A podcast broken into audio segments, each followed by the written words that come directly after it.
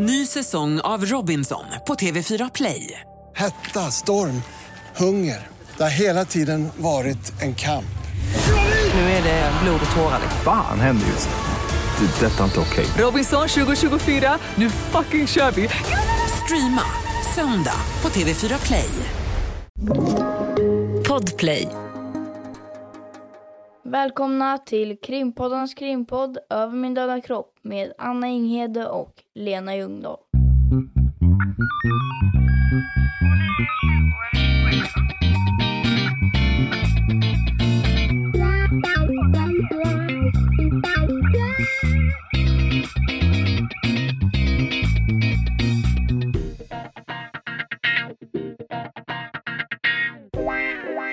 Och det är avsnitt ett, två, tre. Mm, det är så det är. Fan, vad... det, vi har kommit långt, Anna. Ja, tänk! 123 gånger har vi haft teknikstrul, nattsudd och ångest. Djup ångest, ja. Ja. Men nu tänkte jag precis säga att det är i alla fall torsdag och då är det ju krim och då känner vi oss i alla fall lite mera köttiga i vår kunskap. Men så kom jag på vad vi skulle prata om idag. Och jag tar Ja, tillbaka det. Mhm, mhm. Ja, ja, precis. Det här är som en måndag på en torsdag kan man Mm. säga. Man känner sig lite orolig inombords. Vi ska prata trafik. Och vi har pratat trafik en gång innan. Och vi, eh, redan vid det tillfället så tänkte vi att vad fan ska vi säga om trafik? Och så skrev Mm. vi lite punkter på ett papper och konstaterade att vi hade ju jättemycket att säga om trafik. Ja, just det. Vi var så otroligt tunna, konstaterade vi innan. Ja. Men, Men- nej, Nej. Så att vi, jag har lyssnat igenom och du har lyssnat igenom så att det inte ska bli en plankning. Men idag, kära lyssnare, så kommer vi att eh, brodera ut oss till exempel kring biljakter. mm. Vi kommer prata lite om våra egna erfarenheter av att fladdra runt i trafiken. Vi har också en rätt rejäl Q&A på slutet med endast tema trafik. ja, den är köttig. Mm. Det är den. Och vi har gått till expertis. Mm. Jag har likt Lennart Svan dragit i gånggången och begärt livlina på vissa av frågorna. Mm. och alltihopa kommer avslutas med att jag bränner av på en rövhatt. Jag längtar redan. Där har vi dagens schema. Ja, Men härligt. varför, varför jag ens kom att tänka på, för det var faktiskt jag som, som gjorde dumheten att komma på att vi skulle ha trafik del 2. Det är för att det är en väldig massa trafikkontroller i Stockholm nu. Jag tror Mhm. kanske att de har släppt ut ett gäng aspiranter. Ja, det brukar ju vara antingen så är det en ny aspirantkull på gång eller så är det nationell trafikvecka. Mm, Det kan det vara också. mm. Och... Eh, Va, va, får jag bara fråga ja. så här direkt? Eh, det finns inte med i manus, men jag tänker jag kan ändå lyfta frågan. Jag har nämligen sett att det florerar nu i sociala medier ganska livliga debatter kring detta. Eller det är olika, det är poliser som går ut och ondgör sig över fenomenet människor som helljusblinkar på andra trafikanter för att varna för trafikkontroller. Ja. Vad tycker vi om det? Åh, jag skulle säga att jag är kluven. Mm. Ett, för att det har ju en funktion. Att blinka med helljuset, det får funktionen att jag själv kommer att bromsa ner. Mm. Och då är ju på något sätt målet uppfyllt. Det är ungefär som när polisen har poliskontroll eller vid hastighetskameror så säger man snart kommer en hastighetskamera. Mm. Eller i helgen har vi trafikkontroller i söderort. Så att målet är ju uppfyllt för att man vill ju att folk ska sänka ner. Å andra sidan så tycker jag också att det är ett jävla ovett. Nu brände jag Mm. ut. För att man, den som blinkar vet inte varför polisen har en kontroll. Det kan vara att de är ute efter en efterlyst eh, rånare som de tror ska komma precis just där och så har de smält upp en trafikkontroll och maskerat sin, sitt letande efter en viss person. Och då vet inte du det när du flashar med dina helljus att nu förvarnar du den här rövhatten som äntligen skulle åka in, någon efterlyst eller vad det nu kan tänkas vara. Så den hinner vika av. Mm. Mm. Vad tycker du? Ja, men, ja, men jag är helt enig. Alltså, eh, det övergripande syftet med att överhuvudtaget vara ute i trafiken som polis, det är ju att jobba förebyggande. Mm. Alltså få ner hastigheter eftersom det är hastigheter som orsakar många, eller för höga hastigheter som orsakar eh, trafikolyckor i stor utsträckning. Men det är ju som du säger, det kan finnas ett annat syfte och dessutom är det en fast trafikkontroll, då kan man ju faktiskt fånga upp, fånga in många som kanske, eller många, men man kan ändå ta en och annan som inte kör med körkort eh, och så vidare. Eller full. nyktra eller sådär. Mm. Mm. Så jag tycker att man ska, man ska undvika att helljusblinka och utgå från att polisen har ett eh, uppdrag att genomföra och Mm. ett syfte som är klarlagt. Och det ska man låta dem Ja, göra. och vill de förvarna om sin poliskontroll, då kommer de att göra det. I övrigt kan du bara återgå till ditt. Du kan fälla ner luggen och återgå till ditt. Och låta dem sköta sitt jobb. Ja. Dessutom ska man säga så här, men varför är det så mycket trafikkontroller? Ja, men det är dels det du säger, det är bälten och nykterhet och körkort och så vidare. Men alla människor, nej inte alla, men de allra flesta människor som begår brott, de eh, far också runt i bil. De är efterlysta Ja, är och i klart. bil till brott, från brott och så vidare. Så att i trafikkontroller tar man inte bara trafikrelaterade eh, knashattar, utan man fiskar också in en och annan gädda som skall urvas Ja. i finka. Oh, ja. Det kan ju vara till och med så att man får underlag för att förverka ett fordon till Mm. exempel, för att man har skulder och, Mm. och sådär. Så att det kan finnas många syften med det. Det finns ju ett annat sånt här fenomen som är en snackis bland alla och en var. Mm. Har polisen varit ute och blinkat med blåljus på en Mm. cykelbana eller kört eh, fort i ett eh, villaområde en arla söndagmorgon, då, då blir det då blir det prat Ja. om detta. Ska vi inte ta en liten repetition kring vad som gäller egentligen rörande polisens befogenheter och i trafiken? Ja, gärna. Det här var en av de delarna som vi tog i förra avsnittet, men som precis som du säger, som är värt att tryckas på igen.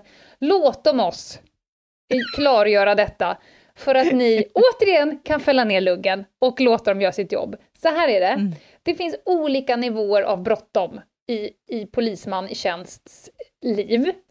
En Mm. vanlig dag på jobbet. Jag är ute och glider runt med en bil, jag har inget särskilt uppdrag eh, som jag eh, är på väg till.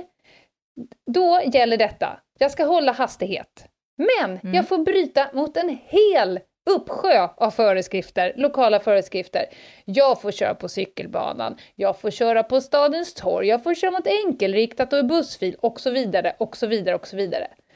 Och du måste inte då ha varken blåljus eller, eller siren Nej! påkopplat. Nej, det måste jag aldrig. Nej men det finns ju, alltså jag ser ju att det florerar en väldigt Ja. massa tankar Jajamän. kring detta Jajamän. och föreställningar. Ja.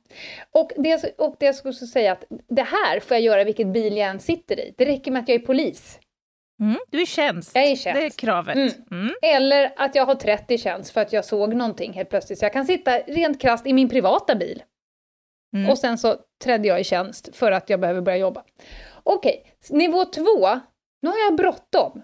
Det är någon form av tjänsteuppdrag, någon form av eh, sak som pågår som säger att det är nog dags att skynda på lite grann.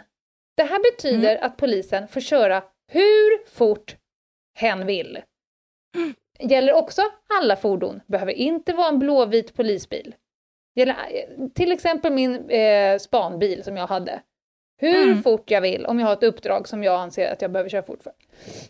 Sen kommer tredje nivån. Nu är det skitbråttom. Ni kan tänka vanlig dag, lite bråttom, skitbråttom.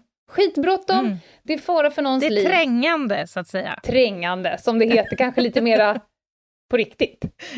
Ja. Eh, för, till exempel fara för någons liv eller pågående brottslighet. Nu upphör alla trafikregler. Alltså, du kan hitta på, du kan åka upp och ner och bak och fram på E4 om du känner för Mm, i vilken mm. hastighet du vill. Det här gäller bara utryckningsfordon. Mm. Och nu kommer det här du var inne på.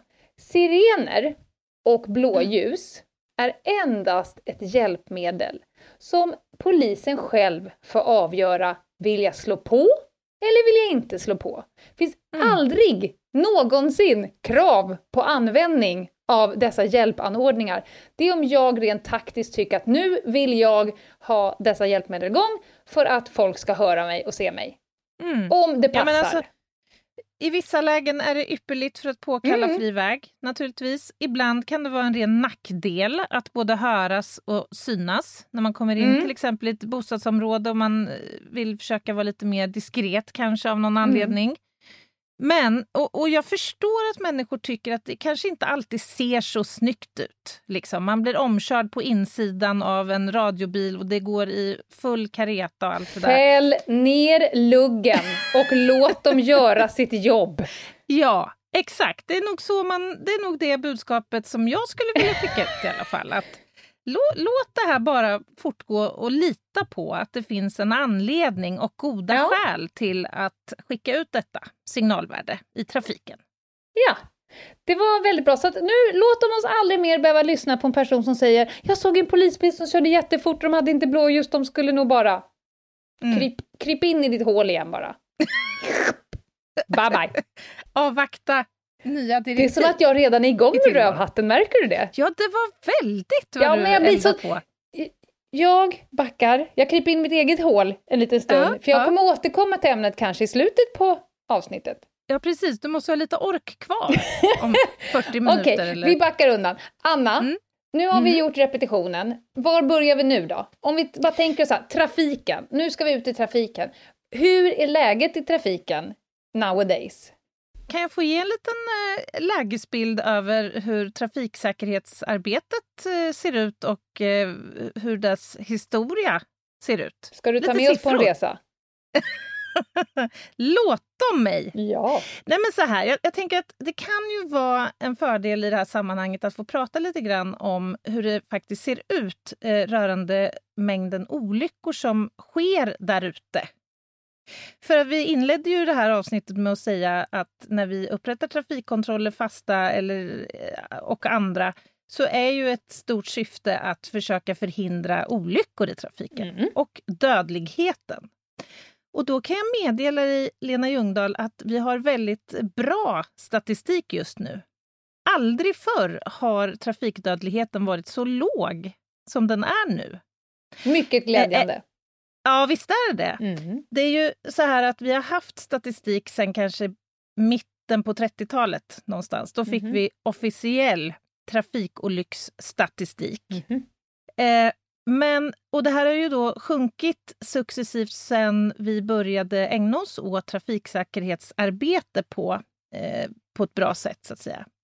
Förra året, 2020, då var det 190 människor som dog i trafiken och det var eh, lite drygt 30 färre än året innan. Och då Mhm. kan man ju tänka att kanske har pandemin spelat roll här. Ja. Så skulle det absolut kunna vara.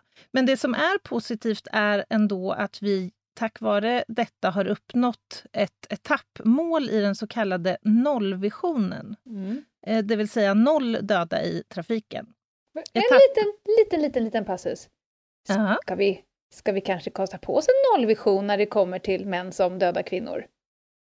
Oh, Okej, nej, förlåt. don't get me started. Okej, nej, vi, det blir ett eget avsnitt, men det vore fräscht. Åh, just den här veckan så skulle det vara jädrigt maffigt att få dra av ett sånt avsnitt Ja. kan jag säga.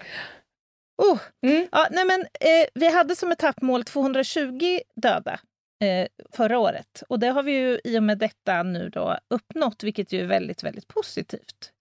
Men trafiksäkerhetsaspekterna i det här landet har ju inte alltid varit så himla höga. Nej. Jag vet min, min man, han berättade någon gång när hans mormor körde omkring i en Volkswagen eh, cab. Mm. Då fanns det liksom i baksätet som en liten hatthylla upp till. Där han satt med sitt lego Mhm. Ja. Under färd. Alltså det har ju hänt lite. Jag tror att många i alla fall i våran generation kan minnas tillbaka till tiden Gud, då man ja. fällde ner sätena, slängde dit en korg med eh, leksaker. Farsan satt och rökte pipa i framsätet och sen drog man iväg på tur. Ja, verkligen. Ligga i bagageluckan, käka Tom och Jerry-kex. Eh, inte vet jag vad man höll på med. Det var ju svinmysigt. Eller så låg man och Eller sov hur? mellan fötterna på någon under handskfacket. Exakt, och man visste att resan upp till Sälen det tog åtta kalanka tidningar Varken mer eller mindre. Nej. Men du, vet du vad som hände klockan 05.00 den 3 september 1967? Så jävla roligt om jag hade svarat ja, men nej. Jag pratar här om högertrafikomläggningen. Mhm. Och det här är Vänta, vad sa du för år? Eh, 67. Coolt! På min första moped hade jag ett klistermärke nämligen på styret. Mhm. Eh, på höger handtag för att man skulle komma ihåg att det var högertrafik. Då förstår du hur gammal moped jag hade. en Saxonett som min shit, första moped. coolt. Jävla retro. Okej, 67 säger du. Mm? Ja. Och det här är ju liksom i det här sammanhanget en historisk händelse naturligtvis. Man hade räknat med att det här skulle vara förenat med ett gigantiskt blodbad på de svenska vägarna. Alltså, tänk dig själv, du ska få en hel befolkning att över en natt ställa om i sitt ja, trafikagerande till att köra på andra sidan. Jesus. Ja. Mm.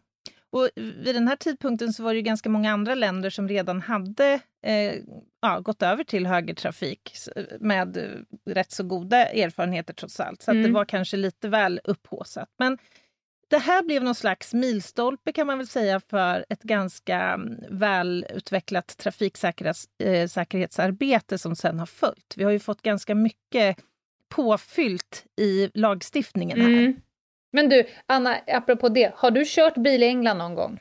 Har du kört, eller Nej, någonstans i jag, vänstertrafik? nej, jag har sluppit det. Alltså det är en sån mindfuck. Ja, det, det, går, det går mig. an när man liksom åker, eh, säg landsväg och sådär, men när det börjar snackas rondeller, eller cirkulationsplatser som det egentligen heter, eller såna här storkorsningar, då bara andas Lena, andas, tänk, du är här. ja. Är det inte lätt? Ja, det är inget läge då du kanske sitter och letar upp eh, rätt kapitel i ljudboken och sådär fibblar. Liksom. Nej, nej, Utan nej. då är det mental spänst som gäller. Mm-mm. Det förstår jag. Ja, men i alla fall, jag ska avsluta den här lilla exposén bara och nämna några såna här eh, bra grejer som har hänt då eh, sen eh, slutet på 60-talet. Vi har ju fått till exempel regler kring eh, det här med obligatorisk kontrollbesiktning så att vi har trafikdugliga fordon. Vi har fått krav på bilbälte, både fram och bak.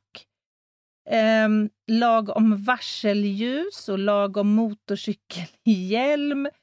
Ja, det här kravet på skyddsanordning för barn till exempel, slutet på 80-talet. Ny körkortsutbildning och så vidare. Och så vidare. Och sen har vi fått såklart lite förändrade genom åren regler för det här med hur mycket alkohol man får ha i utandningsluft eh, Mm. för att köra omkring i, i bil på våra gator och så vidare. Så att det har ju hänt ganska mycket eh, på det här området och man får nog säga att Sverige är någon form av föregångsland i det här avseendet som har jobbat ganska systematiskt med att få ner Mm. dödligheten i trafiken. Jag tänker när man inför nya regler, jag gissar att en del av de där reglerna innebar en del diskussion och mutter och gnäll Mm. och sådär. Sånt som nu känns helt naturligt. Det ska man nog komma ihåg varje gång som lagstiftarna ska försöka införa nya regler. Det är för att vi ska ha en progression i Mm. allting. Men det, det ska ju vara diskussion för att man då ska införa rätt regler och att det är, Ja, det prövat och sådär. Men det, det har väl garanterat muttras. Ungefär som den här första gången att man skulle sätta på sig en hjälm i skidbacken. Då tyckte man att det var ju astöntigt. Nu är det ju bara Ja. töntarna som inte har hjälm. Ja. ja, men tänk dig själv att du skulle komma ut med ditt nyfödda barn i en sån här, låt säga en liten korg Mm. som du placerar längst bak i din sedan på då det som kallas hatthylla. Bak i, Mm. sä- ba- i fönstret där bara. Och sen hoppar du in fram, Mm. tänder, tänder upp Tänder en lång kommers utan filter. Ja, Ja. precis. Och sen kör iväg. Det är Ja. helt obegripligt. Ja, Ja. Nej, men så var det förr Mm. helt enkelt. Och vi lever, det, jag vill bara säga en sak, vi lever ju ändå, många av oss. Ja, tack och lov. Så gör vi Ja. det. Ja, men vi. ibland kan man ju få så här, för fan vilka jävla trygghets och säkerhetsknarkare vi nästan har blivit. Folk som säger, ja men jag vill ha bombfilter på fönstret ifall någon, man bara, ja fast vi ska också chilla ibland. Ja, det, precis. Och det är väl också lite karaktäristiskt tror jag, att För oss. bo och leva i ett land som Sverige. Mm. Att vi är så jädra preventiva i Mm. så många avseenden Mm. så att man ibland kan tycka att är inte det människans fria rätt att Mm. få bestämma? Var det liksom? inte du som berättade det? Eller vem var det? Någon som hade skickat iväg sin unge ner för en pulkabacke där fallhöjden var cirka 90 centimeter Mm. utan hjälm. Och så Mhm. kom det då någon präktig jävel och skrek på en du barn har inte hjälm och bla bla. Ungefär som att du har försökt ha ihjäl ditt eget barn. Jaha, ja. Den där lite snygga skuldbeläggningspassningen. Mm. Säkerhetsknark. Ja. Ja. Men du, innan vi, innan vi drar vidare här så... Alltså jag sitter här och tänker, jag har inte sådär supermycket erfarenheter av liksom att jobba i trafikerad miljö som polis. Det är klart att jag har några erfarenheter av biljakter eller jagisar från min tidiga polisiära karriär. Och sen Mm. har jag viss erfarenhet av att ha jobbat mycket med motorburen eh, ungdom, bland annat, som, som ungdomspolis. kan du inte prata som- lite om det? Ja, vad ska jag säga? Alltså, jag är från det Stockholm, det är- är... inte riktigt samma... förekommer inte i Stockholm. Alltså motorburen ungdom, nu kommer jag ju låta förmodligen eh, världsfrånvänd. Men för, det, för mig är det eh, långsamtgående fordon, det, det står Mm. ett gäng med sådana runt någon form av korvkiosk Mm. och hänger och det meckas och man far fram och tillbaka. Nu, jag, jag förstår att jag låter helt världsfrånvänd, men det här fanns inte på Södermalm när jag växte upp. Nej, nej, men det kan jag för sig, det kan jag för sig tänka mig. Alltså jag tror ju att det här är ett landsortsfenomen eftersom de här A-traktorerna som eh, framförs från början, så vitt jag förstår, eh, har, alltså de har sitt ursprung på eh, land, alltså på bondgårdar och så. Men alltså de det har ju bytt att- karaktär, för de här långsamtgående fordonen, alltså mopedbilarna nu för tiden, Ja, ja, det är ju något annat. överklassungarna som sitter och har sådana Ja. istället för att köpa en gammal Push Dakota. Fast här i Örebro, förstår du, och i många andra städer i landet, där är ju det här en subkultur bland ungdomar. Att meka med sin omgjorda gamla eh, Volvo, vad det nu kan vara för modell, Mm. i något garage. Och det, det är ju det är en subkultur i meningen att det här tilldrar ju sig väldigt många intresserade, alltså genuint intresserade ungdomar. Jag tycker det är en fantastisk Ja, men det är väl grej. världens bästa hobby, det betyder Ja. all den tiden så gör de inte det andra. Nej, Fler borde Men- mecka med bilar. Ja, problemet är ju bara att det går ju att chippa de här, att få dem att gå fortare än vad de får. Och det är, är tyvärr ofta så också att vid de här samlingsplatserna så blir det lite stök och lite oro och lite sociala problem och det dricks alkohol och det händer lite diverse, lite smått och gott i baksätet på de här eh, bilarna och så Okej. vidare. Alltså det, tyvärr så har det kommit att bli ett problem för andra. Att det spelas hög musik och man kör sönder Mm. asfalten för företagare och allt så här. Och det beror väl kanske egentligen på att det inte finns bra arenor för detta. Och jag tänker så här, om man nu lägger pengar på käpphästarenor, skulle man inte då säga det. kunna tänka sig en arena för detta intresse där det kan finnas kloka, fina vuxna och där dessa ungdomar kan få ägna sig åt detta under kontrollerade former. Jag är för. Härligt. Helt för. Nej, men annars, du ska få berätta om dina erfarenheter alldeles strax. Men annars så, för min del så är det egentligen, alltså kriminaltekniskt så är det klart att det blir ibland aktualiserat eh, om det är fråga om misstanke om grovt vållande till annans död till exempel genom Mm. trafik... Eh, ja, ovett. Ja, som det heter. eller, eller vad vi ska kalla det. Alltså det händer att vi jobbar i, såklart, med denna typ av ärenden, men det är Mm. inte jättevanligt, även om vi undersöker mycket bilar och fordon av alla möjliga slag. Men jag kan tänka mig att du som, som eh, gammal spanare, du har ju faktiskt vistats väldigt mycket i trafikerad miljö Mm. i jobbet och I måste bil. ju också, Mm. och i bil, ja. Och måste ha både sett och erfarit mycket, är det inte så? Ja, alltså min korta men naggande goda karriär på IGV. eh, Mm. Jag, jobbade i söderort och söderort ligger ju väldigt nära city. Det är liksom nästgårds med city och de som begår... Söder om city, va? Ja, söder om city. Men, och de som begår, oftast om man begår brott i city så är det oftast ifrån stan man åker och då är det via Mhm. söderort eller västerort eller sådär. Eh, Mm. Av någon anledning så har jag varit, befunnit mig eh, på jobbet de dagar, varit väldigt mycket biljakt. Mm. Jag ska komma till det snart, men annars... Väldigt mycket biljakt? Ja, Aha. mycket biljakt har jag varit på. Aha, men eh, intressant. innan jag kommer till, till själva biljakteriet. Eh, Mm. Vi pratade om det i förra avsnittet, om hur det är att spana, åka bil. När man sitter Mm. själv, ensam i en bil eh, som inte syns att det är en polisbil, har ingen stoppanordning eller sirener eller någonting att ta till. Eh, har fortfarande samma befogenheter att köra bilen på vissa sätt. Eh, Mm. Får inte tappa bort objektet, ska läsa kartor, eh, filma, dokumentär, dokumentera och prata i... Du ska Dokument- göra en dokumentär ja, samtidigt. exakt. ja, rent krasst så ska det bli en dokumentär, vad som har hänt under Ja. hela passet, och jag ska prata i radion och så vidare. Så att det är extremt mycket utbildning när det kommer till spaning. Vi har Mm. det stort och köttigt block i spaningsutbildningen, bilkörning på ett annat sätt än, än den så klassiska ryckarkursen eller utryckningsförarkursen. För du kan Mm. inte landa tillbaka på din kollega eller på att du syns som polis eller att du kan höras eller någonting annat, utan it's you, it's all you. Alltså jag kan säga så här, jag, jag gick en light-utbildning i mobil spaning Mm. som faktiskt när jag var ungdomspolis av någon anledning. Fråga mig inte varför. Men då jobbade vi ju inte än, alltså då var vi två och två Mm. med instruktör i ett fordon. Jag tyckte det var oerhört stressande Ja, faktiskt. ja. Men för, att, för att det är så många processer. Det farligaste Ja. en polisman egentligen gör det är ju att köra fort eller vara i trafik överhuvudtaget. Det är där vi löper Visst. störst risk. Så att Ja. jag, jag hyser en stor, eh, stort avund och eh, jag imponeras Mm. av er yrkesfunktion som är så otroligt skickliga i de här sammanhangen. Mm. Ja, men det blir alltså de absolut bästa bilförarna som jag har eh, träffat och fått förmånen att gå utbildning för och jobba med. Det är eh, spanare och de är då fordonsinstruktörer och spanare.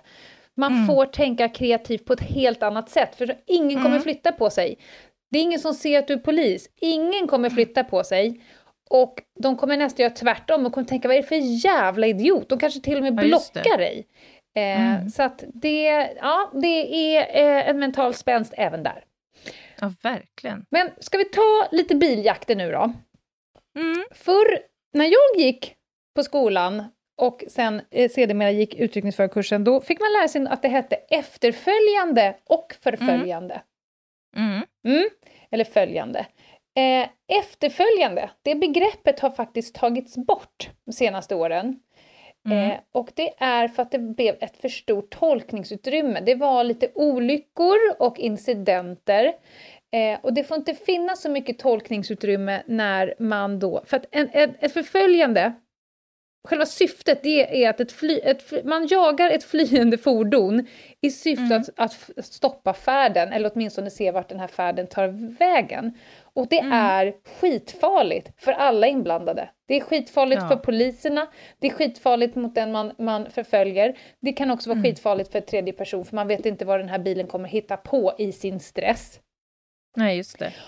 Och i den kontexten så är det väldigt viktigt att det är uppstyrt vad man får göra och inte får göra. Så att när det blir förföljande, då är det vakthavande befäl som leder arbetet och skall numera komma med ganska direkta direktiv vad Mm. som ska ske. Så att den som sitter i bilen, den som står för förföljandet, den ska kontinuerligt rapportera upp. Vad Mm. till, alltså upp, då säger jag alltså till radiokommunikationscentralen. Eh, vad det är som händer, hur snabbt det går och så vidare. Så vidare för att de ska ha ett bedömningsunderlag för att säga nu gör vi så här. Mm. Men det är en stor risk, men det måste hela tiden viktas mot eh, orsaken. Och om man i, i polisiärt arbete, om det ska stoppas några som helst brottslingar, då kommer det behöva tas risker. En acceptabel risk kommer man att Mm. behöva ta, annars kan man inte gå till jobbet. Nej men så är det ju, absolut. Men vi är ju också styrda av att vi ska jobba proportionerligt Mm, och behovsanpassat. mycket bra. Eh, mm. För att frågan är hur mycket våld får man då använda för att få stopp på bilen? Jag brukar säga, jämför med när man tittar på det här gamla amerikanska programmet Cops. Mm. Det var ju biljakter och de körde ju tills de fick stopp på bilen. Det spelade egentligen ingen roll vilka parametrar som vägdes in. Det spelar knappt Nej. någon roll vad den där personen hade gjort eh, innan förföljandet och det spelade ingen roll vad han gjorde under. Alltså Mm. kunde bete sig hur farligt som helst, de skulle inte avbryta för något smör i Småland. Men hur mycket våld får användas? Och det är precis så som du sa Anna, man måste titta på behov och proportionalitet. Får bara göra det om det behövs, om det inte finns någon annan tillgänglig metod att ta till. Och det man gör får, ba- man får bara stå i proportion till det som den här personen som kör bilen har gjort.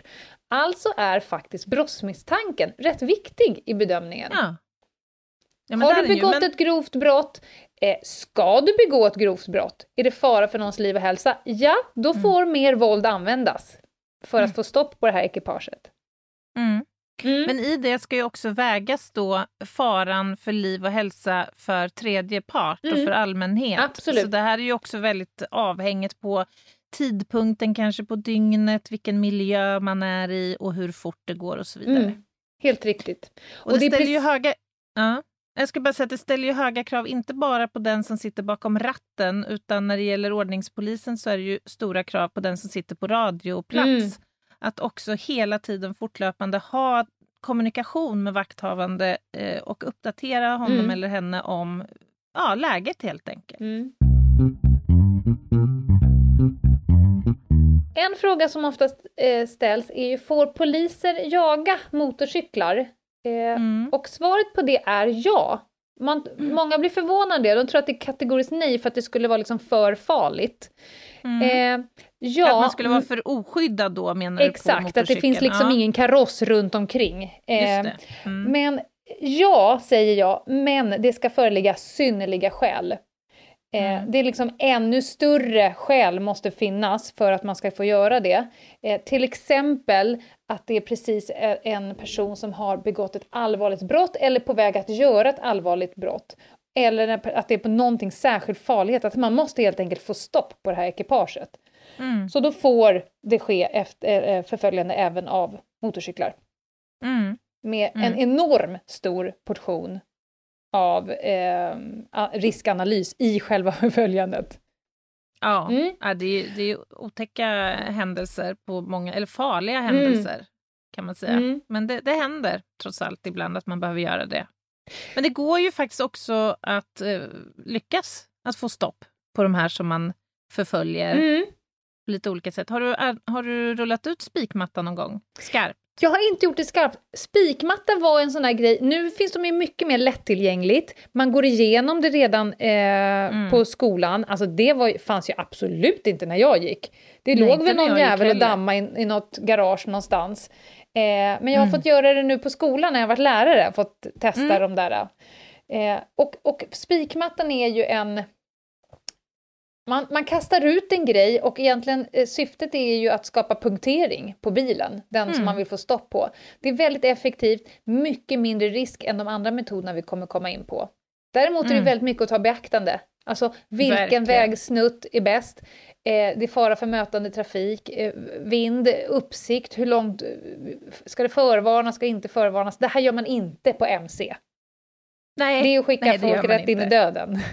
Ja, nej precis. Nej, det är, det är lite trixigt. Har du man säga. använt spikmatta? Nej, inte skarpt, men jag, jag delar din bild att när, när jag kom från Polishögskolan så kommer jag ihåg när jag jobbade på IG då, att, eller ordningspolisen, att fan, jag vet inte hur en spikmatta funkar ens. Så jag fick fråga mina kära mm, ja, eh, kollegor, be dem förevisa den. Ja. För att hade jag behövt använda den hade jag annars inte vetat Nej. hur jag skulle bete mig. Du hade hängt den på dig själv som ett poncho. Ja, ja men det är ju inte så här, det ser ganska lätt ut om man har sett hur det här ska gå till, men, men det är lite trixigt. ja, det är en liten teknik, en liten knix. Ja, det är det. Mm. Ja, det är det. Någonting annat Så som man kan använda som jag absolut aldrig har använt, det är fordonsnät som fångar Mm. in bilen. Har du gjort det? Just det. Nej, det har jag inte heller gjort. Nej. Så det kan vi inte säga så mycket mer om. Eh, fast hinder, mm, Mm. det har jag varit med om.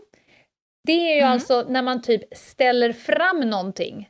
Att här blir det Mm. stopp. Man kan ställa dit ett stort, tungt fordon, till exempel. Det. eh, eller öppna en bro som vi har eh, fått erfarenhet av. Eh, Mm. Man får öppna en bro, ska jag bara säga. Men Mm. eh, det här är ju andra metoder inte tillgängliga, det är farligt.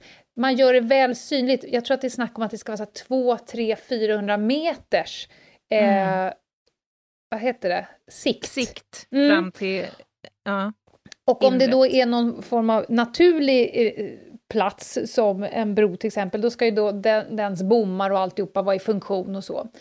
Mm. Eh, man kan inte polisen kan inte tvinga någon att hjälpa till. Jag kan inte tvinga en lastbil. Så här, kan du åka fram och ställa det här och sådär. Man får Mm. fråga. Eh, de får göra det på frivillig basis, men då ska det vara tydligt att det är frivilligt. Sen får du gärna gå ur din lastbil. Ja. Ja. och ibland kan man ju ha lite hjälp av naturliga hinder. Ja. Jag minns min, mitt allra första pass som aspirant. Mhm. Då åkte vi en gammal piketbuss.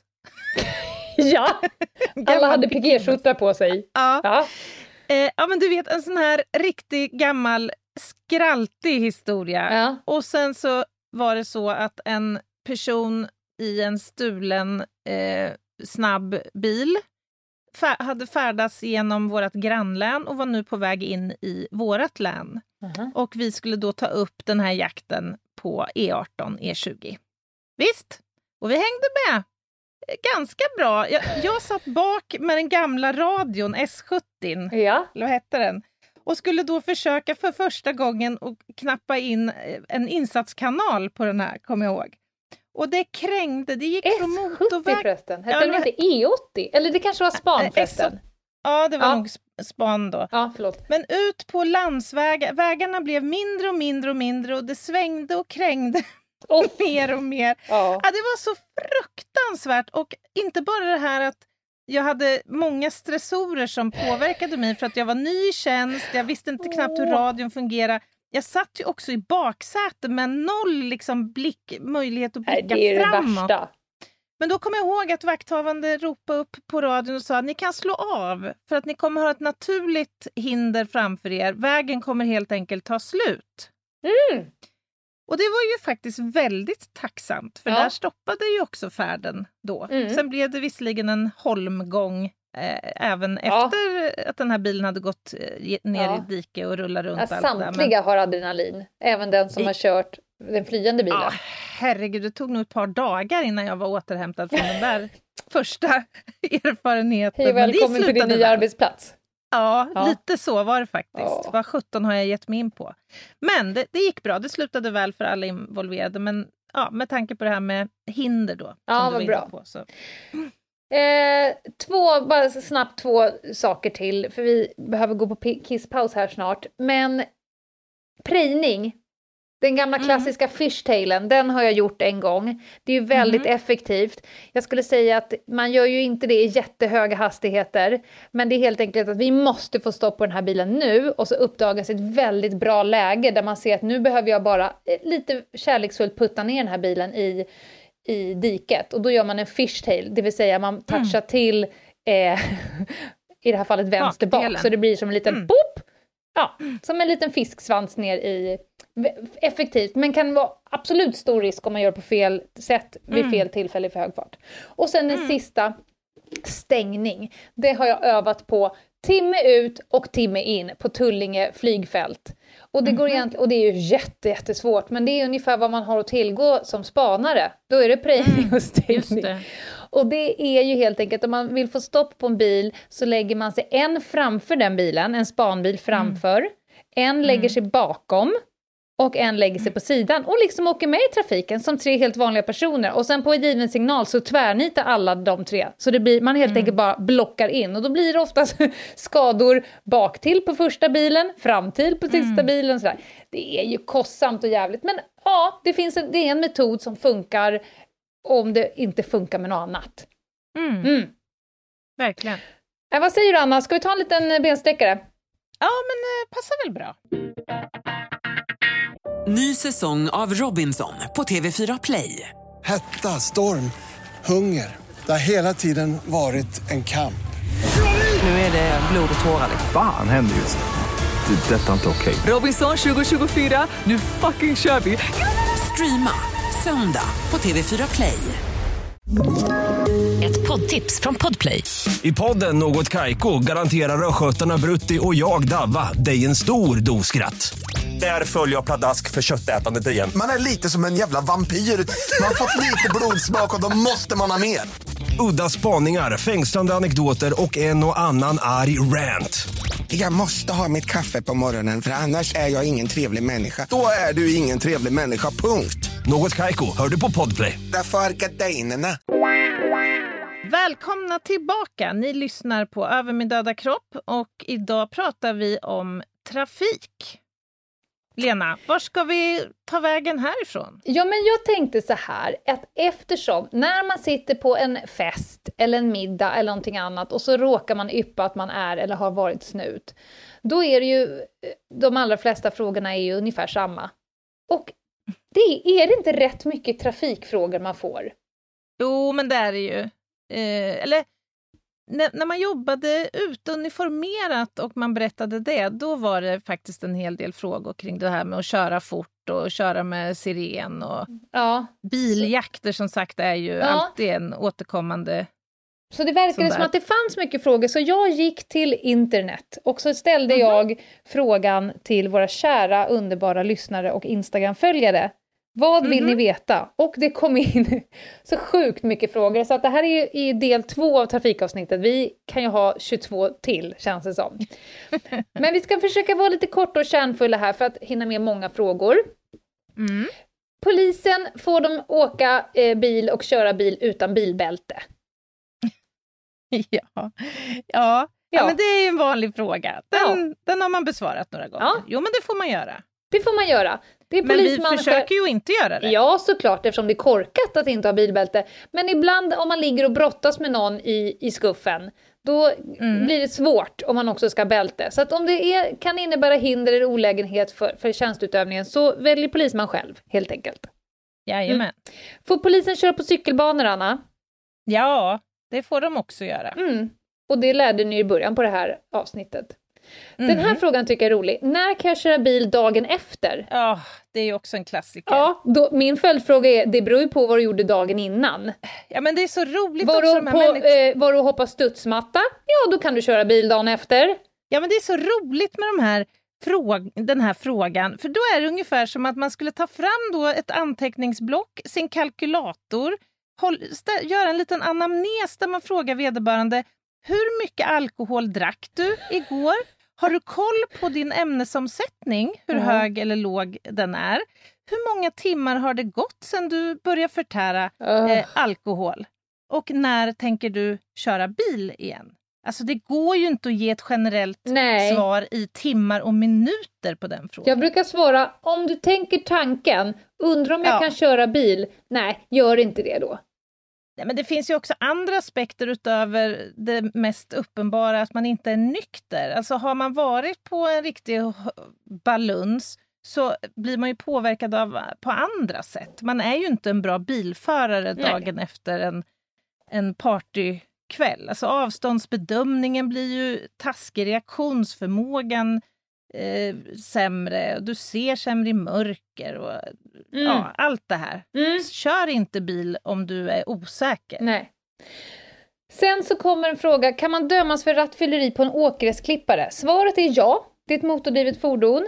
Eh, och då brukar följdfrågan komma, men på en permobil då? Då är svaret nej, för det anses lite för taskigt. Alltså, du kan inte ta dig fram på något annat sätt. Nej, ah, okej, det är så man Ja, tänker sig. men du skulle ju hela. kunna begå andra brott om du till exempel på fyllan kör en permobil rakt över en annan person. Ja, ja, Ja, naturligtvis. Men själva fyllan, nej. Eh, Apropå, får Mm. jag bara fråga dig Lena, apropå det här med åkgräsklippare och permobil, det är ju så att som polisman så är du ju ibland tvingad att förflytta fordon Mm. och du har ju också rätt att framföra fordon och i syfte att flytta på dem då eh, även fordon som du inte har så att säga behörighet Ja. för att framföra. Har du, har du tvingats flytta något speciellt sådant fordon någon gång? speciellt. Jag har väl kört någon, någon lite tyngre lastbil sådär som jag inte har kort för egentligen. Bara åkt av en avfart typ om det var någon pruttfull Mm. person som inte skulle köra en meter till. Men inga liksom farkoster har jag. Nej, nej okej. Du Nej, då? jag, har inte några, nej, men jag har inte heller några superspännande på lager. Men jag vet att det, vi pratade i de här termerna när vi skulle göra platsundersökning på ett passagerarflygplan eh, en gång. Nej. Så att det vore ju jädra lattjo. Ja, kör ni in den i hangaren och undersöker den där så Men vore det toppen. pass. Det står i vägen här. Nu ska vi se här. Är det tillåtet att tolka bakom snöskoter? Ja, det är det. Det om du menar mopedskoter så är svaret nej. Och tolka betyder att man helt enkelt åker bakom. Syns trafikbrott i belastningsregistret och i så fall hur länge, Anna? Ja, men det gör det ju. Ja, det beror ju på vad det är för brott, helt enkelt. För det gäller ju för alla brott, att de har olika lång vad heter det, spärr eller markeringstid, eller vad säger man nu för tiden? Ja, nu för Du tiden. får ju Ja. nu för tiden. Ja, men du får ju en, en markering i registret, men de här försvinner ju efter en viss tid beroende på brottets beskaffenhet, helt enkelt. Den här tycker jag är lite lustig.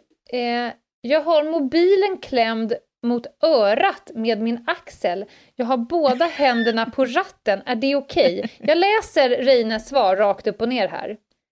vad roligt. Jag kan inte hitta någon dom där just det typexemplet är aktuellt. Man får inte hålla i mobil eller annan kommunikationsutrustning i handen när man kör motordrivet fordon. Det är själva hanteringen man pratar om. Nu kan man ju i och för sig fråga sig hur den där saken kom upp mellan axel och öra. Är det ren och skär magi som förflyttat den dit eller har hen stått stilla vid vägkanten, tryckt fast luren och sen kört iväg? Nödraketen enligt trafikförordningen som täcker in det mesta som skulle kunna falla in här är att om det inte gäller själva hanteringen så man får inte ägna sig åt aktiviteter med mobil eller annan kommunikationsutrustning som inverkar menligt på körningen. Det är brottsligt, men då ska körningen med mobil mellan axel och öra ha varit åt det rent usla hållet, till exempel ute i vägrenen, passerat mittlinjen och liknande. Så då är frågan, du lär ju ha haft mobilen i handen för att få upp den där. Om du inte har tejpat fast den på örat, men då skulle jag vilja kalla det för en handsfree. Ja, ja, det är en hårfin gräns. Alltså, vi är ute ganska mycket i trafiken när vi åker till brottsplatser. Ibland kan ju det vara ganska många mils körning bort. Mm. Och det är så ofta, vi, vi åker ju inte i målade bilar, även om många vet när de ser vårt fordon eller förstår att det är ett polisfordon. Men alla gör inte det. Nej. Och det är ganska vanligt att vi passerar då bilister som sitter med telefonerna. Vi sitter ju ganska högt så man ser ju ner då i förarmiljön. Liksom. Mm. Och ibland så ser vi bilar som går, alltså de går över vägbanan som en jädra säta. Liksom. Mm. Bara vinglar i trafik, kanske i 140-150 kilometer på motorväg ibland. Mhm. Men då brukar jag, jag kan inte släppa sånt där för jag tycker vi är ändå ute och ser det här. Då får man åka upp jämsides med ens eh, lite skräckinjagande stora svarta fordon ligga jämsides tills vederbörande upptäcker att det är poliser man ligger jämsides med när man sitter och fibblar med sin telefon. Blir det tvärnit då? Ja, ofta så blir det ju det. Eh, Att man liksom ser det väl som en chans också att få en på eller en tillsägelse och slippa bli av med sitt körkort. Mm. Men det, händer, det har hänt att vi har rapporterat också, men vi har ju inte riktigt samma möjligheter som ett utryckningsfordon på det sättet. Men det är svårt att inte beivra det när man ser det. Ja, och det ska verkligen. vi ju inte heller göra. Mm. Då ska vi se här, den här är ju rolig. Seriöst, vad gäller i rondeller? Åh, För det första är ju rondell själva markytan i mitten på en cirkulationsplats. Jag tror att Ja. hen menar vad gäller... plantagen. Vad sa du? Ja, själva Ja, plantagen. exakt. Och det här med rondeller, det måste ju vara den mest heta grejen om hur man blinkar eller inte blinkar i rondell och ut ur rondell och in i rondell och så vidare. Men Ja. om man ska gå till litteraturen, som du brukar säga, du ska rent generellt eh, använda din blinkers, som det inte heter, men nu säger jag blinkers, eh, Mm. när du byter fil. Mm. Även då i rondellen. Och sen så ska du använda den även när du lämnar, kör ut ur rondellen. Och då finns det vissa nu som får topplocksavgång hemma. Och Mm. vissa som blinkar hysteriskt in i rondellen. Men du ska blinka när du byter fil och när du går ut. Så om du börjar eh, och väljer en bra fil som du tycker är rimlig och sen kanske du byter fil in i rondellen och då blinkar du höger när du hoppar ett snäpp ut och sen så låter du blinkersen fortsätta glida ut höger när du då lämnar cirkulationsplatsen. Sen vet jag att man på vissa trafikskolor faktiskt uppmuntrar till att blinka, slå på vänster eh, riktningsanvisare när du åker in i rondellen. Ja. Om du ska hela varvet runt. Så att Ja, säga. Det är inte fram- fel att göra Nej, det, men exakt. du måste Vänster- inte göra Nej, det. exakt. Vänsterblinkning finns inga regler, men man säger att ju mindre rondellerna är, desto bättre är det påkallat att blinka in, för det är väldigt svårt för andra att se vart du är på väg. Men är det en väldigt stor rondell med en väldig massa filer, det blir ett extremt jävla blinkande. Så Mm. att eh, vi lämnar nog den där. Vi tar en fråga till Rine igen. Kan man Mm. åka dit för fortkörning om skyltarna varit skymda av typ snö? Han svarar så här. Ja, att man inte skulle ha sett då Exakt, an- du vet inte... Nej. Mhm. Så att om du har åkt då 80 och så vill de rapportera dig för det var egentligen 70. Ja. Mm. Rine säger så här. Eh, det är samma hastighet som gäller även om skylten är översnöad, men det är såklart eh, knepigt att rapportera om föraren inte har sett något. Har man inte koll på vilken hastighet som råder så faller man tillbaka på de så kallade bashastigheterna. 50 km i tätbebyggt område, 70 på landsväg. Sen ska såklart den relativa hastigheten beaktas, alltså omständigheter, väder och vind och så vidare.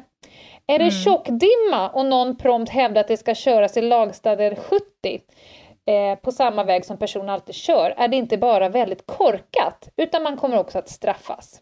Är det dessutom så illa att skylten har blivit helt nersnöad så kanske ett bra tecken på att köra varsammare. Eller mitt tillägg, eller stanna hemma kanske.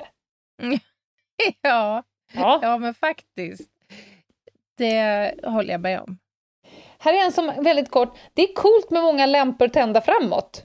Ja, Hur många lampor Ja. tända framåt? Då kan jag svara på Aha. det. Ja, du kanske tycker att det är coolt, men det är också ett bötesbrott. Mm. Det är det. I, I Skärholmen där jag jobbade, det var jävla lampor. Alltså vissa bilar såg ut som ra- julgranar. Det var lampor i de här små pluttarna där vindrutetorksvätskan kom ut. Mm. Det var lampor under bilen, det var Mm. lampor på reggskylten. Det var som en blinkande Silja Line som kom åkande. Jag förstod aldrig det modet. Men det är också olagligt. Men det här är sånt som, som vissa går igång på, det vet Ja. jag. Snigelåkning. Kan man bötfälla någon som kör för långsamt? Ja. Ja. Har man inte giltigt skäl och kör onödigt långsamt, till exempel om man är tröttmössa och sitter och dagdrömmer och kör 40 km i timmen på E4, ja. då kan man få betala 500 kronor. Och det här är ett jädra ofog alltså. när man... ja, alltså Ja. när man åker på en accelerationssträcka till Mhm. exempel och du behöver upp i hastighet för att ta dig ut på en motorväg Mm. eller motortrafikled. Mm. Det är ett bra exempel. För att det händer ganska frekvent att man då ligger före någon. Och nu Mm. ska jag inte låta mina fördomar omsättas i ord. Men det finns en Men du tänker viss... på en gubbe i hatt? Ja, Ja. eller en gumma i hatt. Ja. Som ligger och kryper i 60 eller så, om Mm. man ska upp i betydligt högre hastighet. Det är ju faktiskt en potentiellt farlig situation. Ja, ja. Helt riktigt. Så sluta upp med det där nu, beteendet. Sluta upp. Eh, räknas elcykel som motorfordon? Ja, det kan det faktiskt göra. Det beror lite på vad den har för motoreffekt. Mm. Eh, däremot så, och så kom då en följdfråga, kan man dömas för rattfylla på elcykel? Nej, inte om det inte är ett motfor, motorfordon. Ah, Okej, om det inte är registrerat som det. Exakt, eh, alltså det är bara, man det. kan inte Mm. få rattfylla på cykel, och är det en cykel så är det en cykel. Men du kan fortfarande bli vårdslöshet i trafik om du kör som en rövhatt. Däremot, det kan man ju också tillägga, för nu kommer ju folk tänka, men det här med styrfylla och allt möjligt. Du kan ju fortfarande vara vållande till Ja. eh, olyckor, till exempel. Jag tror du skulle säga att du kan fortfarande vara full, ja, ja, det kan du också fast du är vara. på cykel. Ja, Ja, men du är ju fortfarande en trafikant. ja. ja. Så att du har ju fortfarande ett ansvar, Mm. så att säga. Här då, får, det här är ju bra nu när våren kommer. Får man eh, som förare av en motorcykel köra förbi bilkön mellan fälten? Och det här tror jag att folk tänker att det automatiskt är lagvidrigt när motorcyklarna ligger och liksom kör Mm. på ena sidan, på andra sidan, i då kö. Nu Mm. svarar Reine så här. Det här är inte helt lätt att besvara. Det beror på. Det är ett svar som vi gillar i den här podden. Ja. Ja, men det är ju ofta så. Det finns böter om man inte har lämnat betryggande avstånd till fordon i sidled eller fordonet, till fordonet framför. Skulle det inte teorin gå, gå att få in, eh, men å andra sidan går det ju väldigt långsamt till skillnad från en omkörning när en annan trafikant på kort avstånd i hög hastighet, alltså svischar förbi. Mm. Mm. Den motorcyklisten, eh, det motorcyklisten liksom garanterat missar, det är ju att man har ju aldrig i princip sett en motorcyklist som använder eh, körriktningsvisaren när den håller på och flaxar fram och tillbaka. Men det finns inte per se en lag som säger att motorcyklar inte får glida förbi i filerna för att komma snabbare fram när det är kö. Nej, Men det okej. finns massa andra lagar och regler som de behöver förhålla sig till. Bra avstånd, använda blinkers och så vidare. Mhm. Det var nytt för mig. Blinkers använder man väl bara om det är någon trafikant i närheten? Nej, nej, nej, nej, nej. Alltså det finns väldigt tydliga regler för när man ska använda då eh, sådana här körriktningsvisare. Huruvida en trafikant är nära eller inte, det är inte en av de reglerna. Det är inte så här, du ska använda den när du byter fil, såvida du ser någon. Annars kan du skita i det. Vad dumt. Ja, det var faktiskt dumt. Ja, Du som ställde den frågan, det var en dum fråga. Nu går vi vidare. Men om, om du skulle jobba som trafikpolis, Ja. vad, vad, skulle du, vad skulle din drömbil vara då? Oh, gud jag eh, som trafikpolis, det kan jag inte ens begreppa, alltså ta mig runt. Däremot så frågade jag ju faktiskt samma fråga till Reine. Ja, du gjorde det? Ja. Vad kul. Vad Eh, svarade han då? En civil Ford Focus RS med 400 hästkrafter, fyrhjulsdriven rallybil-ish. Och så har han tillagt här, två av våra trafikpoliser fick en längtande blick vid detta samtal. det gillar man ju. Verkligen. Jag, jag, kan, jag har svårt att greppa mig själv som trafikpolis, jag kan inte tänka mig det. Däremot så kan jag liksom tänka mig på spanbilar och sådär. Men det handlar ju väldigt Ja. ofta om, om extremt starka motorer. Du då? Mm. Har du någon drömbil? Men Jobbmässigt? jag måste säga att de som vi har är fan i mig top notch. Vi Gud, har ju. Ford, Ford TriStars. De är ju starka motormässigt. Det, den enda nackdelen skulle jag säga är att ja, dels är de inte alltid jättetrygga tycker jag att köra när det är väldigt eh, halt. För de är ju tunga. Mm. Så Just det. ja, bär det iväg så bär det iväg så att säga. Ja. Men, men och en annan eh, kanske, jag vet inte, både en för och nackdel, de har ju otroligt hög komfort. De är assköna att sitta och köra länge. Men har man då jobbat, låt säga 10 timmar och Ja. ska tuffa hem 25 mil fem på morgonen, då är det inte bara en fördel att de är så sköna, för det är ju som att sjunka ner liksom i en skön säng nästan. ja. Så att, eh, ja det är på gott och Har du ont, men de är sovit på jobbet någon gång, bra. Anna? Om jag har sovit på jobbet någon gång? Ja. Eh, ja, alltså jag har ju tupp- tupplurat har jag gjort. Ja. Eh, I tjänsten om jag har behövt. Gud, jag har sovit jätteskönt på jobbet. Med lön. Ja, ja det, så kan det vara. Nej men alltså, och, och då innan folk tänker fy fan mina skattepengar, Olof Palmes mördare eller vad ni nu tänker. Kan jag säga så här, när man som spaningsgrupp sitter och håller en port så är det en person som behöver hålla själva porten och alla andra är då beredda runt omkring. Jag står höger, Mm. du står vänster och så vidare. Det- Men det är en person som behöver vakna åt gången. Då kan de andra Jo. göra vad fan de vill fram till personen kommer ut. Man åker är inte och stoppar en, en fortkörare på vägen. Nej, nej, och det är likadant om man ska färdas långa sträckor och man är, då byts man ju av. Gud, då kan ju ja. den ena sova en stund. Ja. Jag har två avslutande Mm. frågor som är på temat hastighet, för det är ju också en sån här återkommande grej. Eh, Mhm. Vad är maxstraffet vid fortkörning? oj, det vet inte jag. Nej, men Rine vet. Ah, vad bra. Pratar vi böter så är det 4 000 spänn som är högsta beloppet. Mm. Och vid den hastigheten, för här är en som har skrivit så här, ja men tänk att jag kör 100 km i timmen för fort.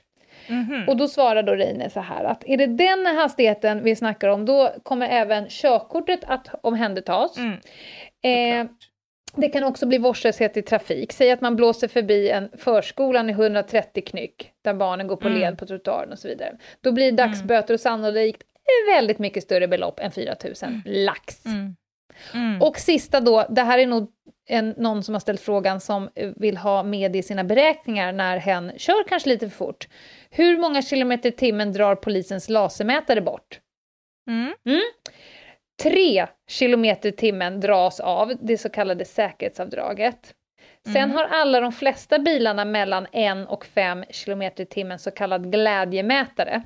Så när Mm. någon kör lille skuttårar när de rapporteras för 40 på en 30-väg så har nog deras mätare varit närmare 50 egentligen. Ja, precis. Det är en ganska god marginal. Och sen ska det ju tilläggas att de här kalibreras ju Mm. inför varje användning. Så att, ja, det kommer man ingenstans med. Nej, Lille skuttårar. nej. Det gör sig icke besvär. Det var så många frågor vi hann med idag, Anna, på, på trafiktemat. Har vi skött oss? Blir det en del tre, tror du? Ja, så ska vi hålla på så här och släppa ut så mycket avsnitt så kan det nog bli en trafikare framöver till. Kanske att vi ska intervjua en trafikpolis. Ja, varför inte? Varför inte? Ja, jag tycker det här, jag måste säga att jag är ganska alltså, polisiärt tunn på det här området. Samma här. Eh, så jag har lärt mig väldigt mycket av det här avsnittet. Mm. Det var kul. Verkligen. Men nu eh, innan jag eh, tar rövhattarnas eh, antiparti, har du något samhällsinformation till oss? Har jag något samhällsinformation? Såklart jag har! Nej, men jag skulle vilja upplysa er om, kära vänner, att eh, vi gärna ser att ni prenumererar på podden och recenserar oss i podcasterappen. Eh, det går också bra att kontakta oss på mejl på ljungdal och jinghede.gmail.com. Och sen har vi ju några härliga sociala forum också. Dels på Instagram, Ljungdal och Jinghede. Och så finns det en, eh, också en Facebookgrupp som jag tycker vi kan slå ett litet slag för. Den heter Över min döda kropp, eftersnack och diskussioner. Slut på meddelandet. Släpp mig fri, släpp mig fri! Release the dragon. Är du redo Ljungdahl? Aldrig varit mer redo. Jag har nästan handsvett av förväntan nu. Kör! Lenas rövhatt.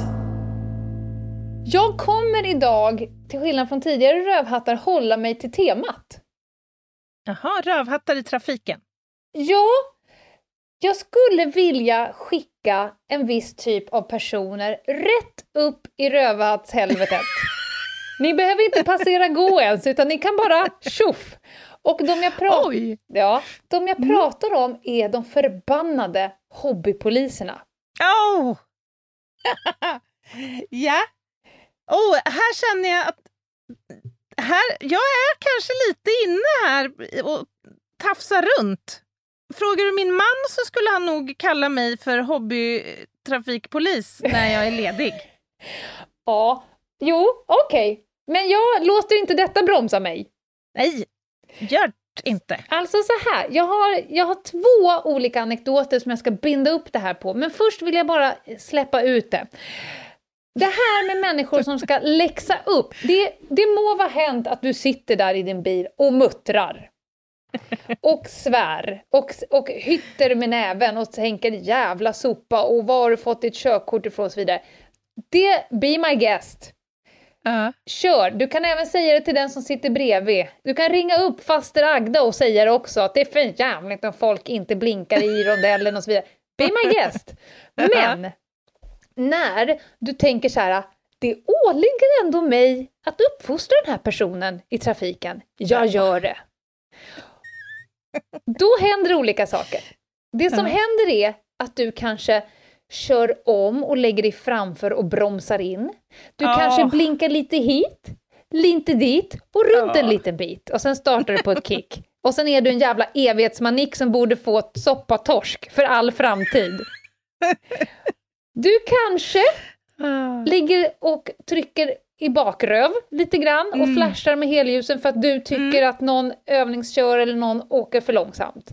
Mm. Du kanske, som i mitt fall för inte så länge sedan, var det någon som tyckte att jag gjorde någonting eh, som jagade mig genom halva stan och sen stoppade mig i korsningen Sveavägen, Rådmansgatan, kliver ur nej. bilen Ja, och ska ha någon form av uppsträckningssamtal med mig. Jag vevar ner min ruta en centimeter och så säger jag bara nej. Han var jätte, jättearg. Jättearg. men vad är det med de här människorna då? Alltså vad drivs de av? Är de- Dumhet. Och påhitt. Det finns inget annat.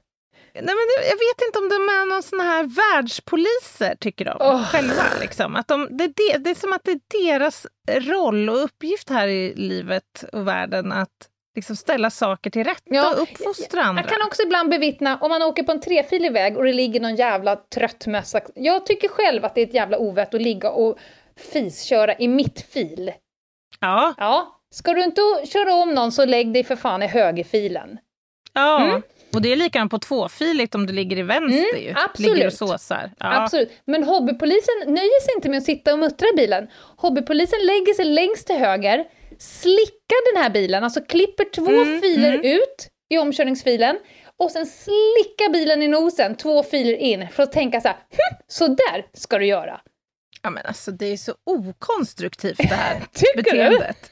Ja. Ja, för dels så kan du eh, orsaka trafikolyckor med ditt jävla hobbypolisande. Dels så är det inte ditt jobb, du har inte utbildning för det, du har inte lön för det och du har inte fog för det.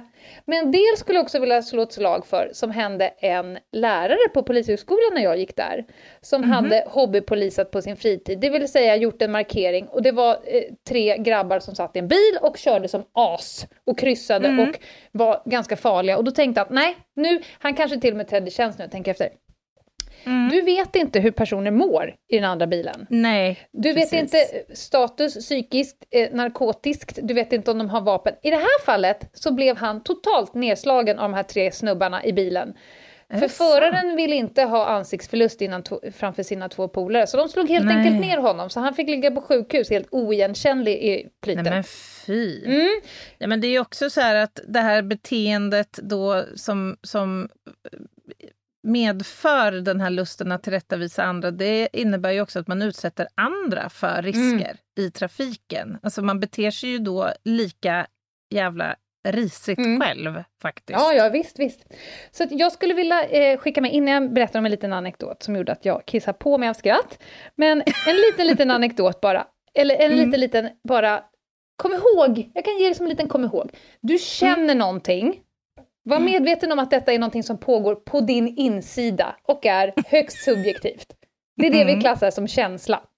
Mm. Sen kan den levla upp till att du vet någonting. Ja. Mm. Vissa har, redan här har de gått vilse. De tänker att min känsla är också fakta. Men vissa Mm, har mm, ändå mm. förmågan av att jag känner någonting, nu har jag ändå gått till litteraturen och tagit det på fakta. Ja. Men inte ens då så har du fog att du också ska göra någonting åt att du sitter på faktan eller känslan. Just det. Kör du din bil, fäll ner luggen och försvinn. Mm, mm, mm. Nu ska jag berätta om en anekdot. Vi ligger, jag vet inte ens om jag har berättat den här förut, men nu gör jag det ändå. Vi ligger på E4, Mm. vi eh, är på väg in mot stan. Eh, vi ligger i bussfilen. Samtliga poliser ligger i bussfilen. Vi, civila bilar, det är ingen som ser att vi är polisbilar, men vi ligger i bussfilen. För att vi får det. Bakom, jag ligger näst sist i kön. Sist i kön ligger min kollega, ni kan kalla honom Henrik. Bakom honom ligger en buss. Jag tror att det var flygbussen och i bussens display stod det ej trafik. Mm. Mm. Mm. Den ligger också i bussfilen. Mhm. Och det regnar och det regnar och det regnar. Och den här bussen ligger och bara tokpumpar med helljuset. Han är en hobbypolis som tycker Åh. att Henrik inte ska vara i bussfilen för att det är en bussfil. Bara det att Mm. Henrik är polis och han är en buss som inte är i trafik. Och han är inte polis, så han ska ju fylla fan i huruvida folk gör rätt eller Mm. inte. För Mm. det är Mm. inte någonting. Så han ligger och bara pumpar helljus, helljus, helljus. Och då säger Henrik på radion, alltså jag brinner av snart. Snart Mm. brinner jag av. Och så börjar han tuta också. Så höjd med jävla krok den här bussen tuta. Det är alltså krypkö. Då ser jag då, bevittnar jag detta i min backspegel. Då går Henrik ur sin bil, han går bak till bussen, han tar Ja. sitt polislägg och smäller upp det pang, rätt i ru- frontrutan på busschauffören så han får den rakt framför näsan. Och då händer ju det roligaste i världshistorien. Jag vet inte om det är av uppsåt eller av skräck. Men den här busschauffören lyckas ju få på vindrutetorkarna. Nej. Så Henriks lägg åker i en bana. Rätt ut i fil, typ nästa fil på E4. Nej, nej, nej. Alltså jag skrattade så jag grät. Busschauffören for ut med, med hjälp, ut ur bussen och fick leta efter det jävla lägget. Det här är vad som kan hända mina vänner om ni Ah. tittar på ert... Eh, tittar på LinkedIn och se om det står polis på er där. Om det inte Ja. gör det, var inte polis i trafiken. Nej, jag tycker en mycket bättre utgångspunkt är att vi ska hjälpas åt i trafiken. Det kan man ha som Ja, något fast bra. du ska vara försiktig här, Anna. För de här jävla hobbypoliserna, Ja, 62,5 procent av dem tycker att jag hjälper dig genom att lära dig vad som Ah, är rätt. okej. Du Ja, får men inte jag, lämna jag det får, utrymmet där. Jag får förtydliga då Ja. att jag tycker att vi ska hjälpas åt i trafiken. Och hur gör man det? Jo, observerar man då saker i trafiken som man inte riktigt håller med om eller skriver under på, då tycker jag bara man ska passera. Man åker hem till sitt, tar sin fredagstacos och bara glömmer bort det hela helt enkelt. Bra. Då så, det var veckans rövhatt. Det var ingenting alls som gav mig någon form av affektläge. Högröd i ansiktet. Många kan nog relatera till hobbypolisfenomenet. Och det kan ju ta många olika uttryck naturligtvis. Mm. Ja, äh, men bra rövhatt Lena. Tack. Härligt. Det var det avsnittet hörru. På lördag är det lördag och på måndag är det måndag. Mhm. Och på lördag är det live, som vanligt 11.15. Och på måndag är det ny spaning igen. Mm. Det går runt. Mm. Det är en evighetsmaskin. Det är det. Ha det gött allihopa! Ha det bra! Bye! Bye!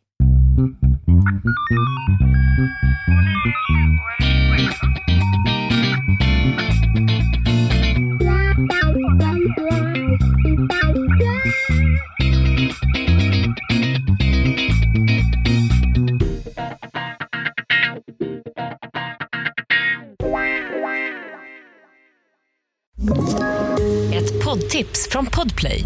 I fallen jag aldrig glömmer djupdyker Hasse Aro i arbetet bakom några av Sveriges mest uppseendeväckande brottsutredningar. Går vi in med hemlig telefonavlyssning och, och då upplever vi att vi får en total förändring av hans beteende. Vad är det som händer nu? Vem är det som läcker? Och så säger han att jag är kriminell, jag har varit kriminell i hela mitt liv men att mörda ett barn, där går min gräns. Nya säsongen av Fallen jag aldrig glömmer på Podplay.